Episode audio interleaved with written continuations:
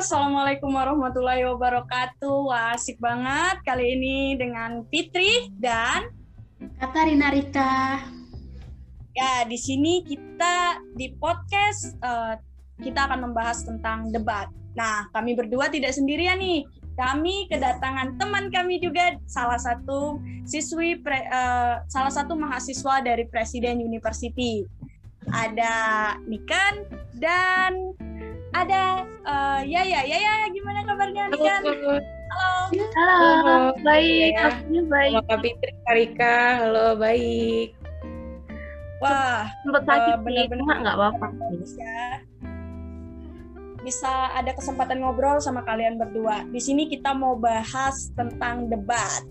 Ada beberapa uh, pembahasan yang akan kami tanyakan kepada kalian Dan kita semua bakalan mendengarkan uh, penjelasan dari Kak Tiara dan Kak Niken tentang debat. Ya, Nah, kita harap kasih. juga semoga Kak Niken sama Kak Tiara pas dengar pertanyaan kita tuh kayak nggak kaget gitu. Jadi kita saling semangat menjawabnya dan bisa memberikan informasi tentang debat kepada rekan-rekan yang akan menonton hasil video kita. Oke, buat Kak Yaya nih sama Kak Niken, eh menurut kakak eh, definisi debat itu apa sih? Boleh Kak Yaya dulu, apa Kak Niken dulu? Uh, Niken dulu deh. Oh, mungkin dari aku ya. Iya, jadi eh, seperti kita tahu, debat itu memang eh, cara kita untuk bertukar pendapat gitu ya eh, tentang satu permasalahan atau yang didebatkan itu sebagai sebuah acuan kita gimana sih nanti gitu untuk solusinya. Adapun yang tidak ada solusi juga itu nanti akan dikategorikan sebagai debat apa gitu. Nanti akan kita jelaskan lagi. Tapi untuk eh, definisi debat itu sendiri, untuk mengetahui hal-hal kayak ya yang sifatnya tuh lebih kayak ke perspektif seseorang ya gitu. Kalau menurut aku sih gitu. Ya mungkin untuk kayak ya gimana? Uh, sebelum aku ngasih tahu definisi debat menurut aku sendiri, uh, aku mau kasih patokan nih. Jadi kayak ada ahlinya sendiri gitu kan. Menurut Pak Dori Wuwur Hendrikus, debat itu saling beradu argumentasi antara pribadi atau kelompok manusia yang tujuannya itu mencapai kemenangan untuk satu pihak aja. Nah, kalau debat sendiri menurut aku tuh kayak aktivitas yang membahas yang membahas suatu topik atau masalah. Jadi membahasnya itu saling beradu argumen dan saling mempertahankan argumennya masing-masing. Nah, di samping mempertahankan argumen itu harus disertai dengan alasan atau opini yang mendukung. Itu sih debat menurut aku. Oke, terima kasih nih. Jadi kita eh, nggak cuman tahu bahwa sebenarnya eh, debat itu cuman adu mulut gitu kan. Ada penjelasan lebih dalam lagi masalah debat. Gimana eh, Rika ada yang mau ditanyain sama teman-teman kita dong ini? Kak, udah siapin pertanyaan nih buat Kak Niken sama Kak Tiara. Tadi kan kita udah menanyakan tentang debat ya, pengertian debat gitulah. Nah, selanjutnya pertanyaan kedua yang pengen aku tanyain adalah mungkin Kak Niken atau Kak Tiara tuh bisa menjelaskan mungkin secara singkat tujuan dari debat itu apa aja sih? Karena kan eh, banyak orang gitu masih bingung tujuan debat itu apa sih? Apakah debat itu hanya ingin menguras kemampuan berbicara atau semacamnya? Mungkin bisa dijelasin sama Kak Niken atau Kak Tiara. Tujuan debatnya apa sih menurut Kak Niken sama Kak Tiara? Oke, mungkin Kak Tiara dulu ya. Tadi kan yang pertama aku. ya. Oh ya ya ya. Oke. Silakan Kak Tiara. Nah, Tujuan debat itu secara umum itu mendiskusikan atau membicarakan atau memutuskan masalah dan perbedaan dari suatu hal itu kalau menurut aku terus eh, di samping itu kayak intinya kayak menemukan solusi lah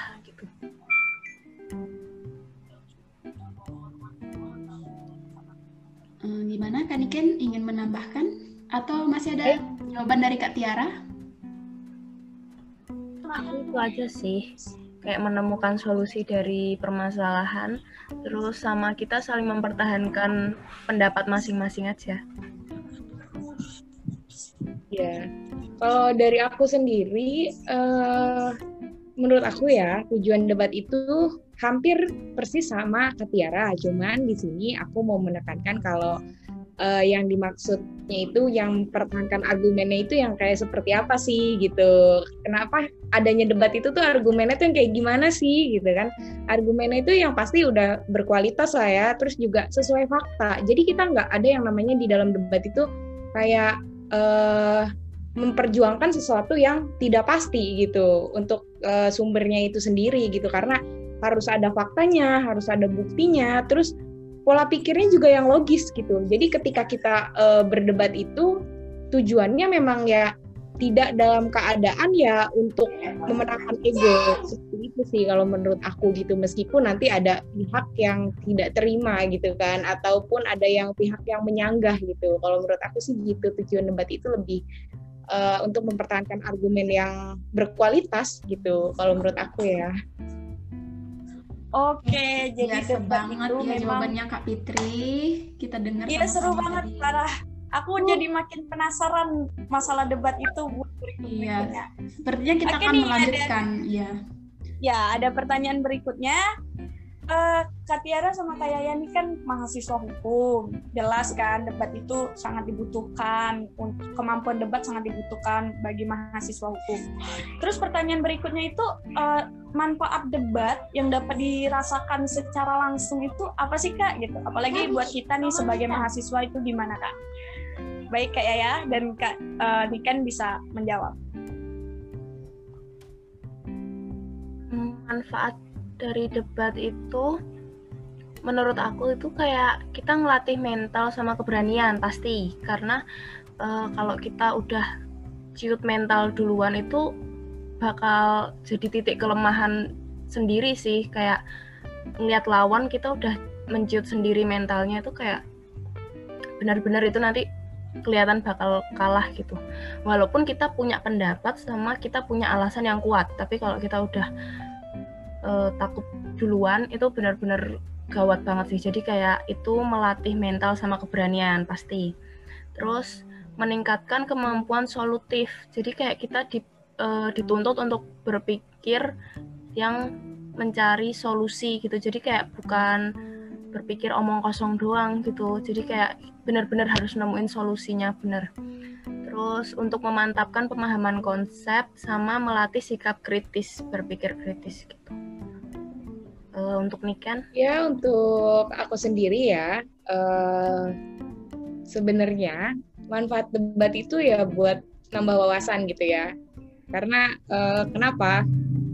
Dari sebuah debat itu terkadang ada sesuatu yang kita belum ketahui sebelumnya ya kan?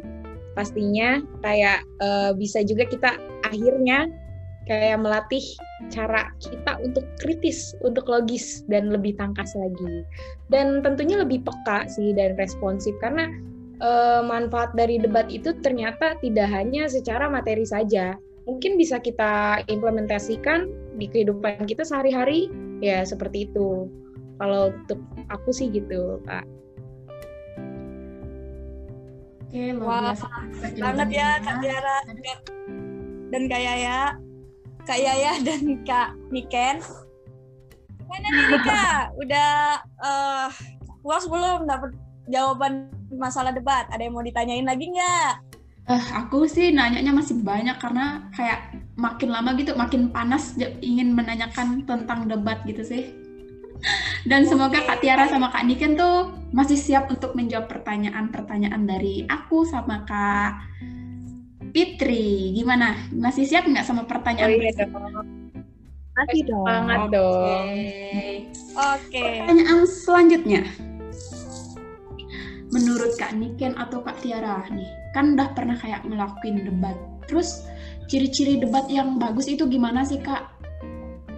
Biar kayak berbagi, saling berbagi gitu. Biar pas debat seseorang debat itu punya punya target atau punya oh ciri-ciri debat tuh kayak gini, yang baik tuh kayak gini. Mungkin Kak Niken atau Kak Tiara bisa jelasin tuh ciri-ciri debat yang bagus tuh gimana. Gitu sih. Boleh Niken duluan.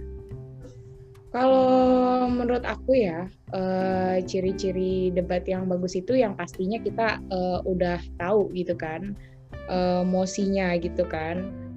dan udah gitu kita juga uh, tidak boleh mengandung sara. Jadi di dalam debat itu kita tidak boleh uh, ada sara ya kalau menurut aku gitu kan. Uh, itulah yang terbaik gitu kan untuk uh, debat itu sendiri. Kalau misalnya kita ada sara gitu, itu akan wah itu akan kontra dan pronya itu akan bisa uh, mengundang kekacauan. Karena yang apa melihat debat itu sendiri sebenarnya ya bukan dari kalangan mahasiswa uh, aja gitu. Kayak yang dari lainnya juga gitu. Kalau menurut aku sih gitu ya. Kalau misalnya yang baik gitu kan ciri-ciri debat yang baik ya salah satunya itu. Kayak gimana untuk Kak? Uh, kalau aku lebih umumnya aja ya. Jadi kayak ciri-ciri debat itu atau karakteristiknya itu uh, dalam debat itu pasti terdapat dua sudut pandang uh, atau bahkan tiga. Jadi yang pertama itu kayak afirmatif atau pihak pro yang menuju, menyetujui suatu topik. Terus yang kedua itu ada negatif atau kontra yang dia tuh nggak setuju sama suatu topik. Terus uh, biasanya yang ketiga tuh uh, pihak netral gitu. Terus selain itu tuh adanya proses saling mempertahankan pendapat antara kedua belah pihak gitu. Jadi kayak kedua belah pihak itu mempertahankan terus di debat itu nggak ada yang namanya kayak pihak pihak kontra itu setuju sama pihak pro itu nggak ada. Itu sama aja kayak kita uh, mengundurkan diri gitu kan. Terus atau kalah. Terus adanya adu argumentasi yang tujuannya itu uh, memperoleh kemenangan. Pasti kan di suatu pertandingan itu kan pasti ada yang kalah ada yang menang kan. Terus hasil debat itu diperoleh dari voting atau keputusan juri. Semuanya dinilai sama juri atau dari suara terbanyak. Lalu sesi tanya jawabnya bersifat terbatas dan sesi tanya jawab itu tujuannya buat jatuhin pihak lawan. Selain itu yang terakhir eh, adanya pihak yang berperan sebagai penengah. Lah itu disebut sama moderator. Itu sih ciri-ciri debat. Duh, luar Baik, biasa iya. banget ya jawaban dari Kak Niken sama Kak Tiara. Apa ada iya tambahan iya, lagi? Aku kalau udah kita nih udah tahu nih ya ciri-ciri debat itu seperti apa. Kalau kita udah tahu ciri-ciri debat, uh, menurut Kak Tiara dan Kak Niken ini uh, apa aja sih yang perlu kita persiapkan sebelum kita debat? Itu kira-kira gitu. Biar kitanya tadi seperti yang disebutkan melatih mental tadi biar mentalnya baik ketika berdebat itu uh, cara-cara uh, tata cara yang perlu dipersiapkan sebelum debat itu seperti apa? Siap seperti apa nih kak? Mungkin untuk uh, lebih kayak ke tata cara ya kak sebenarnya ini uh, yang harus sebelum debat itu kita persiapin itu contohnya kayak uh, pertanyaan itu kayak atau tantangan yang bakal kita hadapin itu hendaknya kayak dikemukakan secara profesional. Yang aku bilang tadi kak yang kita tidak boleh ada sara gitu kan. Nah terus yang kedua itu harus lembut. Yang pasti uh, tutur katanya harus lembut ya. Dari intonasi aja udah menggambarkan seseorang itu seperti apa ya kan kak dari intonasi suara gitu dari tata cara dia berbicara gitu kan dan menurut aku argumennya itu dinyatakan dengan cepat tepat dan singkat sesuai waktu yang diberikan oleh moderator jadi ketika kita berargumen itu tidak boleh yang namanya eh uh, kayak gitu. Itu nggak boleh ya kak. Contohnya kayak gitu. Nah terus kita juga harus fokus sama posisi pihak lawan gitu. Maksudnya kalau misalnya kita tahu nih lawan kita nih kelemahannya di sini. Nah, itu kita harus fokus gitu karena itu akan menjadi poin plus gitu, Kak. Ya mungkin untuk Kak Tiara uh, kalau aku sih sama sih kayak Nikian. Jadi kayak mau nambahin kayaknya udah jelas sih apa yang diomongin Nikian.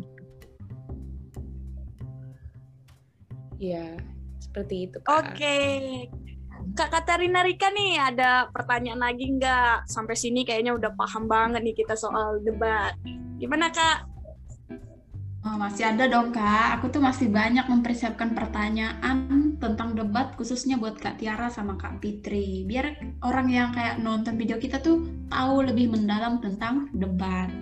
Nah, Wah, sekarang keren, keren. di pertanyaan selanjutnya nih, aku pengen nanya, etika yang harus dijaga saat kita debat tuh apa sih kak?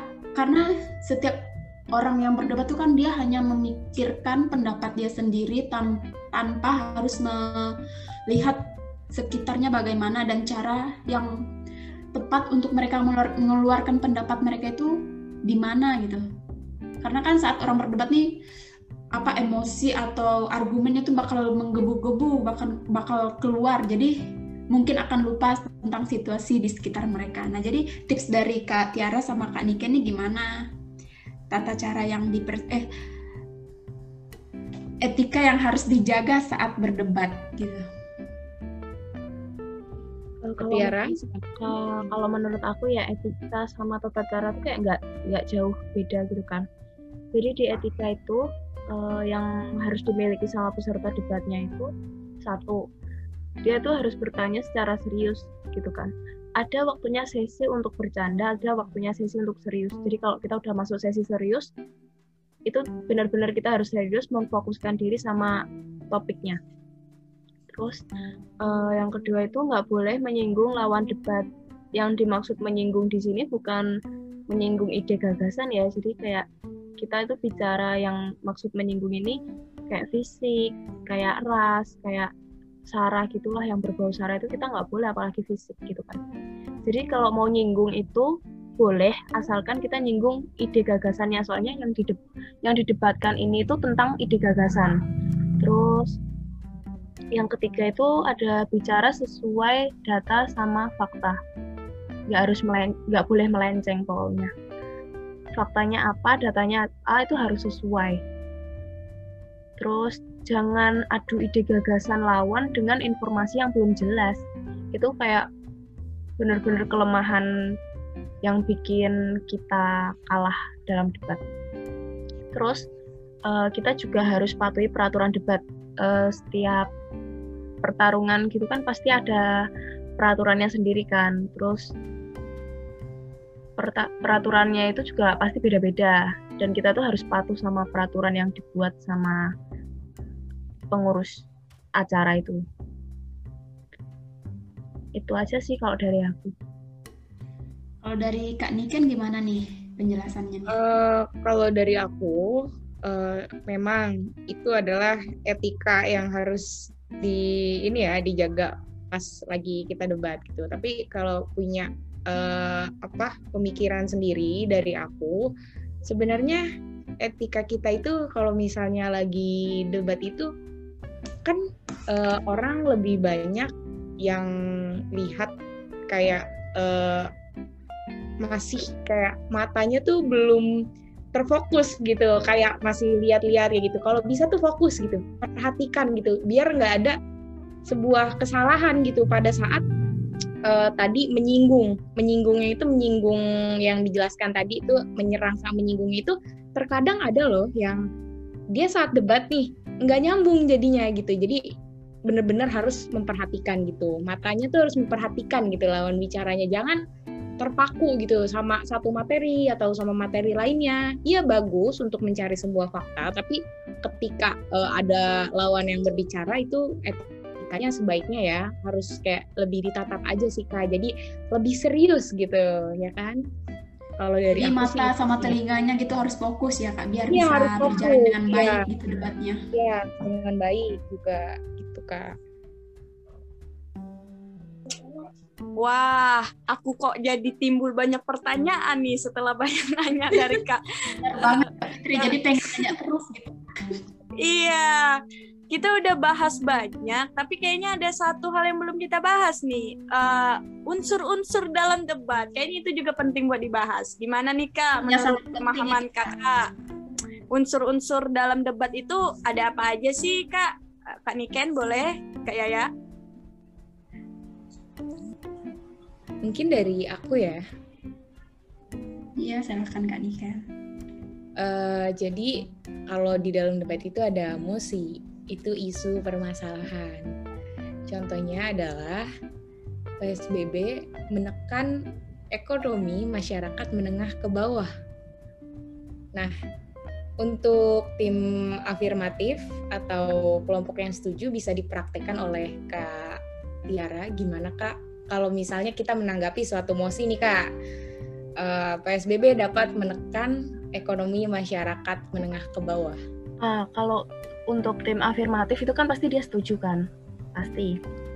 Kayak dia pasti setuju iya benar menekam ekonomi. Soalnya kan uh, sebelum pandemi orang-orang kayak bebas mau ke mana aja terus nggak dibatasi sama ruang dan waktu juga kan. Tapi di pandemi sekarang uh, jadi dibatasi karena takut penyebaran covid itu meluas gitu. Itu sih contohnya okay, baik. Uh, jadi kalau yang kedua itu ada yang namanya tim kontra. Atau biasa kita sebut tim negatif ya. Karena uh, itu dia tidak uh, adanya kesamaan sebuah argumen gitu kan. Atau bertolak belakang. Jadi uh, contohnya ketika uh, Katiara bilang nih tadi kan uh, sebelum ada pandemi biasa melakukan kegiatan ekonomi dengan normal gitu. Tapi sedangkan di sini kak gitu kan misalnya kita uh, misalnya aku jadi kontra ya teman-teman. Kayak tapi di sini udah dijelaskan uh, Undang-Undang Nomor 6 Tahun 2018 tentang kekarantin kekarantinaan kesehatan.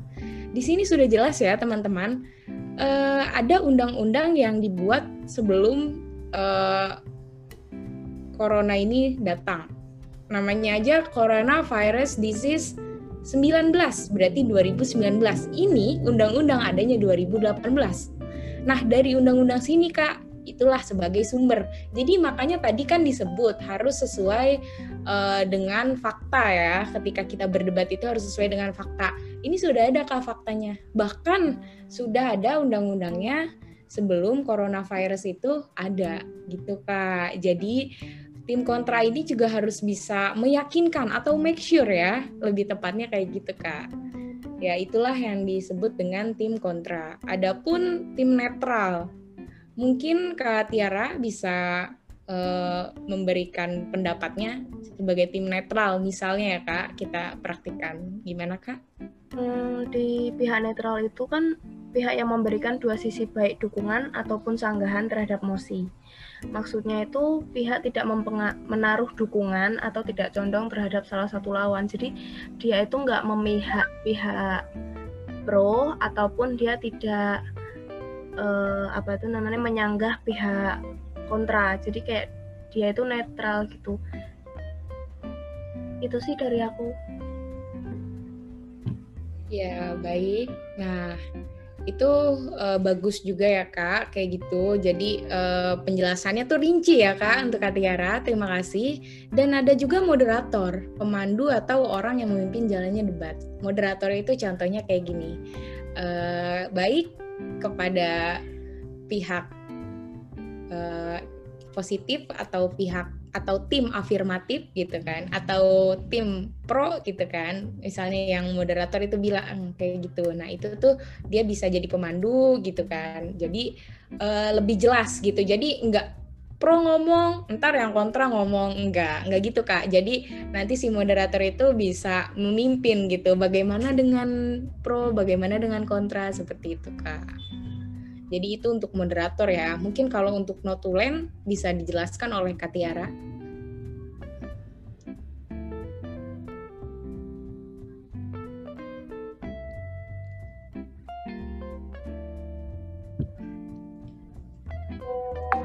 Untuk pihak notulen sendiri itu uh, orang yang menulis kesimpulan suatu debat. Jadi notulen itu mencatat hal-hal terkait debat yang sedang berlangsung, kayak contohnya mosi debat, pernyataan moderator, penyampaian masing-masing tim atau pihak, dan hasil keputusan akhir.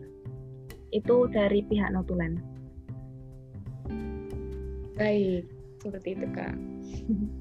Wah, wow, berarti iya luar biasa banget nih Berarti kalau sebelum debat itu memang penting banget kita punya wawasan yang luas ya. Biar kalau debat kita punya dasar hukum dan dasar uh, hal yang benar-benar mendasar dan punya bukti gitu loh dari apa yang kita omongin. Dan harus menguasai materi gitu ya Kak Fitri ya. Iya, iya bener banget. Gimana Kak Rika? Masih punya banyak pertanyaan lagi? Masih dong Kak. Oke, diberikan kesempatan untuk terus bertanya ya. iya nih. Uh, pertanyaan yang berikutnya adalah mungkin Kak Tiara sama Kak Niken tuh bisa ngejelasin struktur dalam debat itu apa aja sih Kak? Biar teman-teman kita yang pada nonton nih bisa tahu struktur dalam debat apa gitu. Mungkin bisa dijelasin, silakan. Baik, uh, jadi uh, debat itu sebenarnya dari teks ya. Kita kan uh, menguasai sebuah teks gitu kan untuk uh, dilihat masing-masing perspektifnya kan. Nah, itu juga ada strukturnya gitu kan. Nggak asal-asal aja gitu kan. Karena yang pertama itu pastinya ada pengantar gitu menjelaskan posisi uh, si penyampai debat itu pakai mosi mosi itu judul gitu kan atau tema gitu kan bisa dibilang kayak uh, ya suatu perbincangan sesuatu objek lah yang kita uh, akan perbincangkan gitu kan. Nah, udah gitu ada juga yang namanya argumen. Bisa dijelaskan oleh Kak Tiara, argumen itu apa?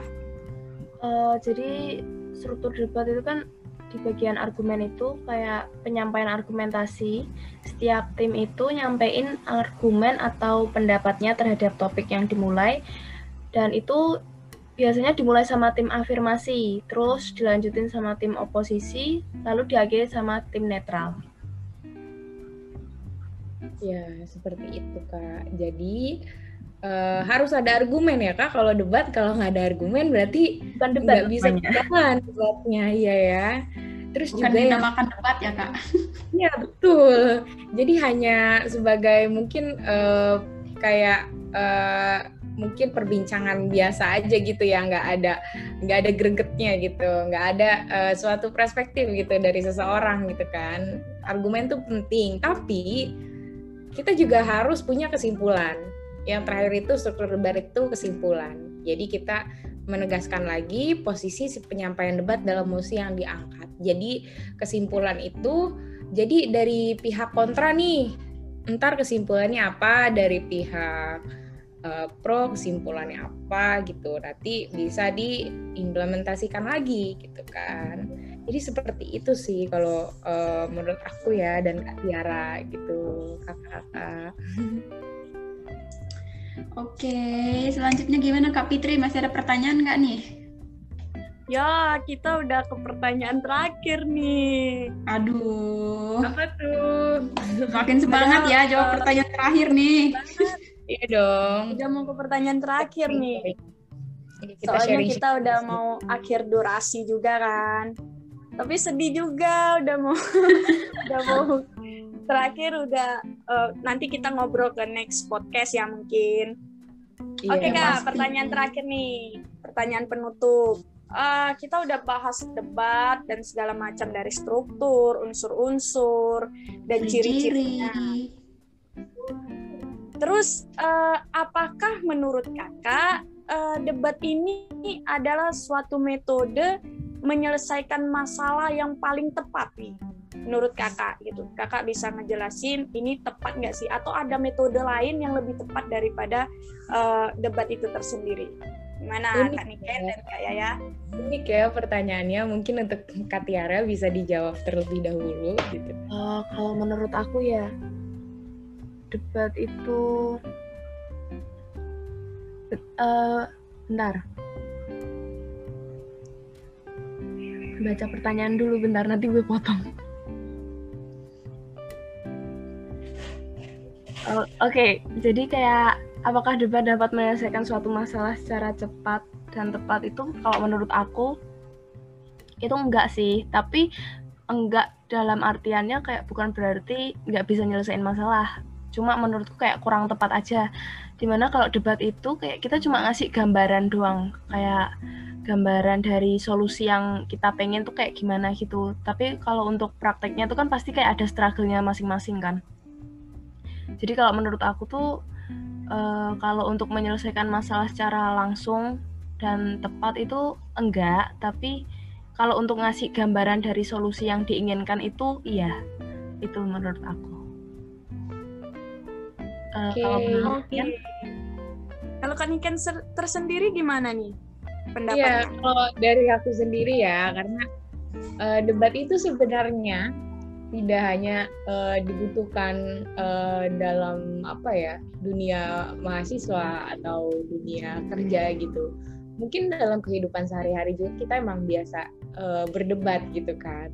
Tapi kalau di sini dia konteksnya karena lebih uh, resmi gitu. Ada suatu topik yang pasti gitu. Jadi sebenarnya debat itu bisa menyelesaikan masalah tergantung topik apa yang biasa uh, diangkat gitu. Tapi kalau untuk kehidupan sehari-hari mungkin debat akan menimbulkan kekacauan ya kak karena kenapa dari mungkin dari tata caranya atau dari uh, penyampaiannya jika itu tidak benar gitu kan seperti yang tadi kita berdua udah jelaskan aku dan Katiara udah jelaskan itu akan menjadi kayak uh, salah arah gitu kan kak. Seperti contohnya tadi deh untuk menyinggung ya kak, uh, ketika debat itu dilakukan secara resmi, berdebat yang ada uh, strukturnya seperti itu kan kak.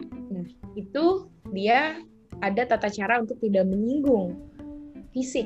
Tapi ketika berdebat itu untuk uh, memenangkan ego tujuannya gitu kan di dalam kehidupan sebenarnya itu akan berdampak negatif ya kak. Walaupun setiap orang punya uh, persepsi sendiri-sendiri gitu, tapi ketika itu jadinya bentrok gitu, itu akan menjadi salah. Tapi sebenarnya debat, jadi intinya kalau dari aku ya, debat yang digunakan secara baik-baik gitu kan, itu akan berdampak positif buat kita gitu. Jadi nggak selalu negatif, tapi kadang juga nggak selalu positif. Tergantung uh, penempatan si debat itu gitu kan, apakah di bidang akademik atau di bidang kemasyarakatan seperti itu. Jadi kalau dari aku kayak gitu. Itu aja sih kak. Tapi uh, sebenarnya kan tadi aku bilang ya kan, uh, debat itu mungkin ada yang langsung di secara kehidupan ada juga yang debat resmi. Untuk jenis debat itu sendiri memang kak terdapat dibagi-bagi. Ada yang debat parlementer atau majelis gitu kak. Ini kita menyangkut antara kemahasiswaan dan mungkin di dalam uh, dunia kemasyarakatan ya atau pemerintahan. Ada debat pemeriksaan ulang, debat juga ada yang formal, ada konvensional, ada juga debat pendidikan. Jadi menurut aku debat itu memang bagus gitu untuk menyelesaikan suatu masalah apabila konteksnya sesuai jenis debat yang udah aku jelasin kak. Jadi seperti itu. Dan di dalam debat juga ada debat yang untuk uh, solusi, ada debat yang untuk hanya filosofi gitu kan atau untuk solusi itu untuk memecahkan uh, sebuah solusi uh, apa sebuah permasalahan untuk mendapatkan sebuah solusi itu ada yang namanya debat dengan metode THBT gitu kak. Dan ada juga uh, debat THW THW itu secara filosofis kak. Jadi kalau untuk uh, THBT itu sendiri ya kak dia itu seperti ini. Contoh e, dari sebuah musim itu dijelaskan bahwa seorang anak yang sibuk bisa mengakibatkan kurangnya bersosialisasi. Nah, otomatis e, ketika kita sibuk gitu kan, pasti di situ ada beberapa pendapat. Enggak kok anak yang sibuk itu pasti dia punya kepentingan sendiri. Oh tidak, seorang anak itu pasti ada dunia main gitu kan jadi dia akan kurang sosialisasinya gitu bagaimanapun seorang anak itu tidak boleh terlalu dipush ya kak terlalu ditekan gitu nah itu seperti itu jadi harus ada solusi. Nah seperti yang saya bilang ataupun ada pun yang seperti filosofi saja debat yang filosofi saja itu tidak mengandung solusi. Karena e, debat itu kan ada solusi ada yang hanya secara filosofinya saja seperti itu kak. Kalau dari aku ya. Ya, jadi gitu kak. Manfaatnya banyak, jenisnya banyak, strukturnya banyak, semuanya banyak. Jadi gitu kak, eh, cakupannya sangat luas ya kak.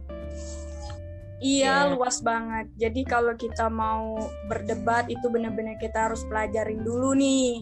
Debat itu ada apa aja, lain sebagainya biar lebih paham gitu ketika ada yang nanya. Oke, buat teman-teman semuanya, percakapan kita udah selesai nih. Tapi jangan khawatir, mungkin kita ada next podcast kita membahas eh, tentang banyak materi nantinya.